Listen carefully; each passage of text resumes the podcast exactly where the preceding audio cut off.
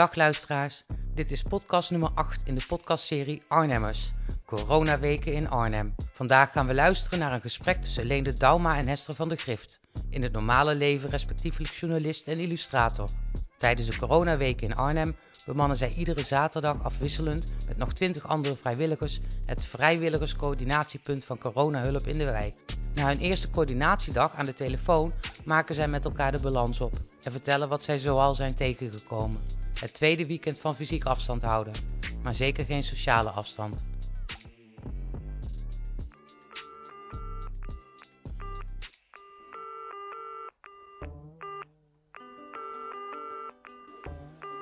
Mag bij. Ja. Oh, dan weet ik het wel, ja.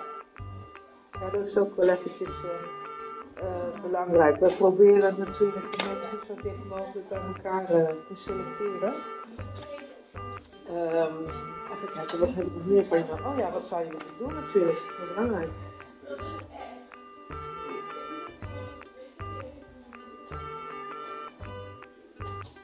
Ja. Boodschap is. Nou ja, bijvoorbeeld dit wat ik nu doe aan de telefoon zitten. Uh, mensen met mensen bellen. Ja. Oké, okay, hallo. Um, ja, we zitten nu uh, even de administratie te doen na uh, de eerste dag van de telefonische coronahulp. Um, die is zaterdag begonnen om half negen en heeft geduurd tot, tot s avonds half negen. De dag ervoor hebben we flyers gestuurd. ik heb hier nog zo'n flyer voor me liggen. Het is misschien wel handig om ook nog eventjes het telefoonnummer te noemen. Dat is 06 44 24 8687. Zoals gezegd, bereikbaar van half negen tot half negen en uh, bedoeld voor de wijken Sonsbeek, Sint Martin, Klarendal, Spoorhoek en Burgemeesterswijk. Op de achterkant staat, beste buurtbewoners, heeft u hulp nodig voor bijvoorbeeld uw boodschappen, uw hondje, eten, regelmatig telefonisch contact? Dan kunt u contact met ons opnemen. Wij helpen u graag. Wil je meedoen als vrijwilliger? Meld je dan aan via ons telefoonnummer. We zullen het uh, aan het eind nog een keertje zeggen. Initiatief is van de samenwerkende wijkorganisaties en vrijwilligers. Nee, dat hoeft helemaal niet hoor, dat is wat ik zeg, dat is animo. Hey, heb jij uh, een rijbewijs en een auto? Allebei. Heel fijn. Rijbewijs, auto, heb je eventueel een MBO? Nee, oké, okay. nee, geef niet. En heb jij verplichtingen op momenten dat je echt niet kunt, zeg maar? Nou, wij hebben uh, vanaf half negen gezeten en nou, ik kan niet zeggen dat de telefoon uh, rood gloeiend heeft gestaan, maar we hebben best wel veel telefoontjes gehad. Vooral uh, vrijwilligers hebben zich aangemeld en daar zijn we heel blij mee. Um, Hester, hoeveel vrijwilligers zullen we ongeveer... nee, ik heb het geteld. Het zijn 29. 29 vrijwilligers. Daar zitten jong en oud tussen. Uh, ja. Best wel veel uh, studenten die uh, zeiden dat ze een baantje hadden in de horeca en nu even niks te doen hadden. En nu dus graag vrijwilligerswerk willen doen. Ik had een paar echte Klarendals dames aan de lijn die mee willen doen. En Hester, had jij nog leuke... Ja, ik had een jongen van 13 en ziek. En die, die zit normaal op school, maar nu niet. Dus die zei, ik wil wel iemands hond uitlaten. We hadden ook een paar stellen die zeiden we willen wel samen uh, iemand helpen. Ja, eigenlijk hetzelfde als wat wij doen ja. nu, toch? We hebben ook mensen die Arabisch kunnen spreken. We hebben mensen die verpleegkundigen zijn. We hebben iemand die psychiater is. Uh, veel mensen met rijbewijzen en auto's, kan ook heel makkelijk zijn. Iemand die nog even, dat is misschien ook wel leuk, die al vrijwilliger was bij het project Maatjes. Dat zijn uh, vrijwilligers die uh, hand- en spandiensten verrichten voor mensen die uh, wat ouder zijn en minder mobiel bijvoorbeeld. En zij uh, deed nog even een oproep via deze weg om vooral mondkapjes, als je die nog hebt, naar artsen en ziekenhuizen te brengen. Dus, ehm, nou, we kunnen altijd denk ik nog wel vrijwilligers gebruiken, maar qua aanbod zit, het, zit het aardig, aardig goed na gisteren. Vragen hebben we wat minder gehad. Ik werd gebeld wel door een oude man van uh, bijna 75 in Klarendal die uh, graag hulp kan gebruiken. Uh, iemand nodig heeft die boodschappen voor hem doet. Jij had iemand die Ja. dacht dat wij een soort medische dienst waren, hè? Dat was wel een beetje schrikken. Er was een eh, zoon van mijn vader die eh, erg ziek eh, bleek te zijn en veel hoesten, koorts had en pijn, slecht at en dat eigenlijk al de hele week. En ehm, toen eh, zei ik van je moet als de wiede weer gaan, moet je even naar de huisarts bellen en naar de GGD bellen. En dat nummer hebben wij ook eh, eh, in onze briefing meegekregen, dus kon ik hem makkelijk geven. En ik heb hem ook gezegd, mocht je er zelf niet uitkomen, bel ons even terug, want dan gaan we je helpen. Want het leek mij gewoon verschrikkelijk belangrijk dat die meneer zo snel mogelijk een dokter zou horen.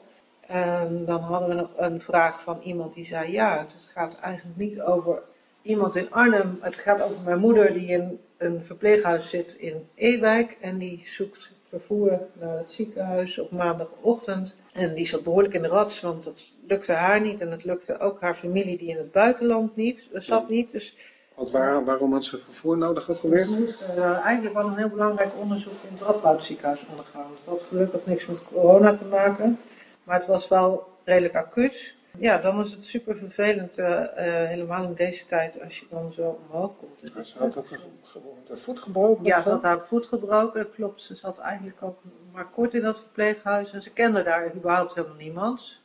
We zijn samen op zoek gegaan naar vrijwilligers in de regio en die hebben we eh, gelukkig ook gevonden. Dus die vragen eh, konden we oplossen. Toen bleken er uiteindelijk ook hulplijnen te zijn in Nijmegen Ja. en Ewijk en zo. Ja, heel mooi voor, nou misschien stel als je in Nijmegen woont, eh coronahulpnijmegen.nl. Makkelijk adres. Daar is een groot platform ingericht waar je hulpvragen en hulpaanbiedingen kunt doen. En eh, ik verwacht dat er in Arnhem ook al wel opgetuigd is nu.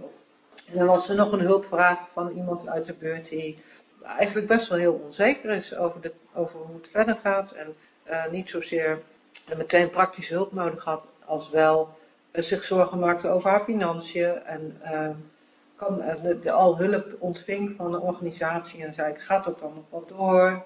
Ik kan niet meteen die mevrouw allerlei zekerheden geven, maar ik kan natuurlijk wel gewoon even haar verhaal aanhoren en even met hem meedenken. En ja, gewoon ook even, gewoon iemand eventjes eh, begrijpen. Meer Dat is eh, dat is denk Ja. ik ook waar deze hulplijn ook eh, voor een groot deel voor, voor bedoeld is. Dat je gewoon even ja, een, een luisterend oor kan bieden en, en even een beetje, beetje hulp op afstand kan geven, denk ik. Ja, ik ga even kijken, het waren vier. Oh ja, ehm, nee, dat waren eigenlijk wel de vragen, ja. Ja, er Ja. waren nog niet zoveel vragen, maar ja, wij verwachten eigenlijk dat, eh, dit, dit was pas de eerste dag, dus eh, Ja, eh, er zullen in de loop van de tijd echt wel meer vragen gaan komen, denk ik. We gaan wel afwachten. ja. Ja, ja wij, wij zijn dit samen gaan doen. We dachten van, dat is fijn, we zitten toch, we zitten toch samen met onze dochter in quarantaine.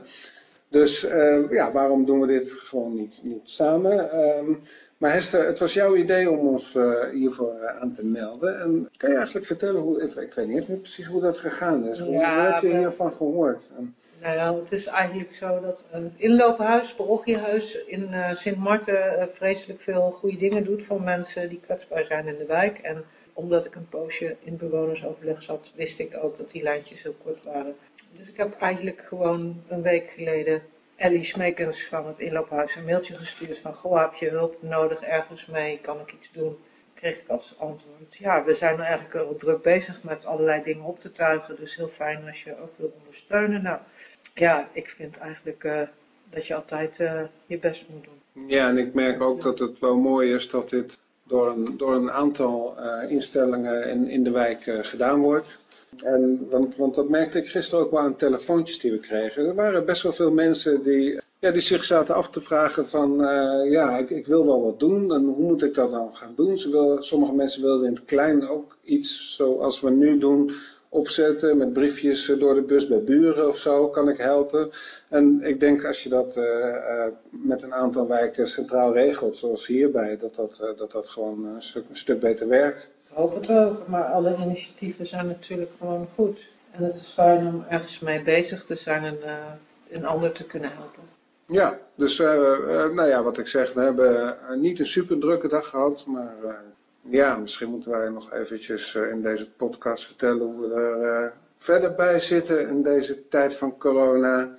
We zitten niet in quarantaine trouwens. Nee, we zitten niet in quarantaine. We mogen beetje naar we overdreven. mogen Oké, naar de- we mogen naar buiten. Ik, ga, ik stap nog steeds, eh, nog steeds eh, op de fiets. En, eh, maar als ik fiets, dan probeer ik de mensen zoveel mogelijk te vermijden. Dat is, dat is vandaag ook best wel gelukt. Ik merk dat er een beetje een besef is van... jongens, we moeten niet met z'n allen dat park ingaan en, en in, in kolonnen gaan lopen. Ondanks dat het zo mooi weer is, merk ik. Maar als ik dan weer eens op de social media kijk... eh, foto's op Facebook of Twitter... en dan zie ik mensen echt... Nou, gekkigheid, eh, inderdaad. eh, alsof er een festival eh, in Sonsbeek aan de gang is of zo. Eh, denk na, denk ik. Ik ben eigenlijk eh, wel rustig, maar ik ben ook wel bezorgd. Maar tegelijkertijd eh, ja, denk ik dat, eh, dat we echt wel normaal moeten doen. Precies. Gewoon even luisteren naar de minister-president. Ik weet dat het een beetje een reflex is om dat niet te doen, maar doe het nu toch maar gewoon wel. Nou, ik denk dat dat eh, voor vandaag is in ieder geval. Ik zal nog één keer het nummer noemen van de coronahulp. Dat is eh 06 44 24 86 87. Bereikbaar van half, half negen s morgens tot half negen s avonds. Voor de wijken Sonsbeek, Sint Maarten, Klarendal, Spoorhoek en Burgemeesterswijk. Doeg! Je luisterde naar podcast nummer 8 in de serie Arnhemmers met Leende Dauma en Hester van de Grift van Vrijwilligerscoördinatiepunt. Voor meer informatie en linkjes, kijk even naar de show notes bij deze podcast. Op de website ZOZ kun je een kort voicebericht van 90 seconden achterlaten voor de podcast Arnhemmers. Wat zou jij de Arnhemmers willen vertellen? We horen graag van je. Binnenkort in de podcast Arnhemmers onder andere Carmen van Deuren en modeontwerpster Meerte Engelhard, die bezig is met een crowdsourcing om samen de perfecte quarantaine-outfit te ontwerpen. Deze podcast is ook terug te vinden via Apple Podcast, Soundcloud, Spotify en podcastluisteren.nl. Op social media zijn we te volgen via de open Facebookgroep Coronaweken in Arnhem. Wij zijn ZOZ Platform voor Debat, platform voor makers. We hopen je hier weer te treffen. In de tussentijd, was je handen, houd anderhalve meter afstand, blijf veilig, blijf thuis.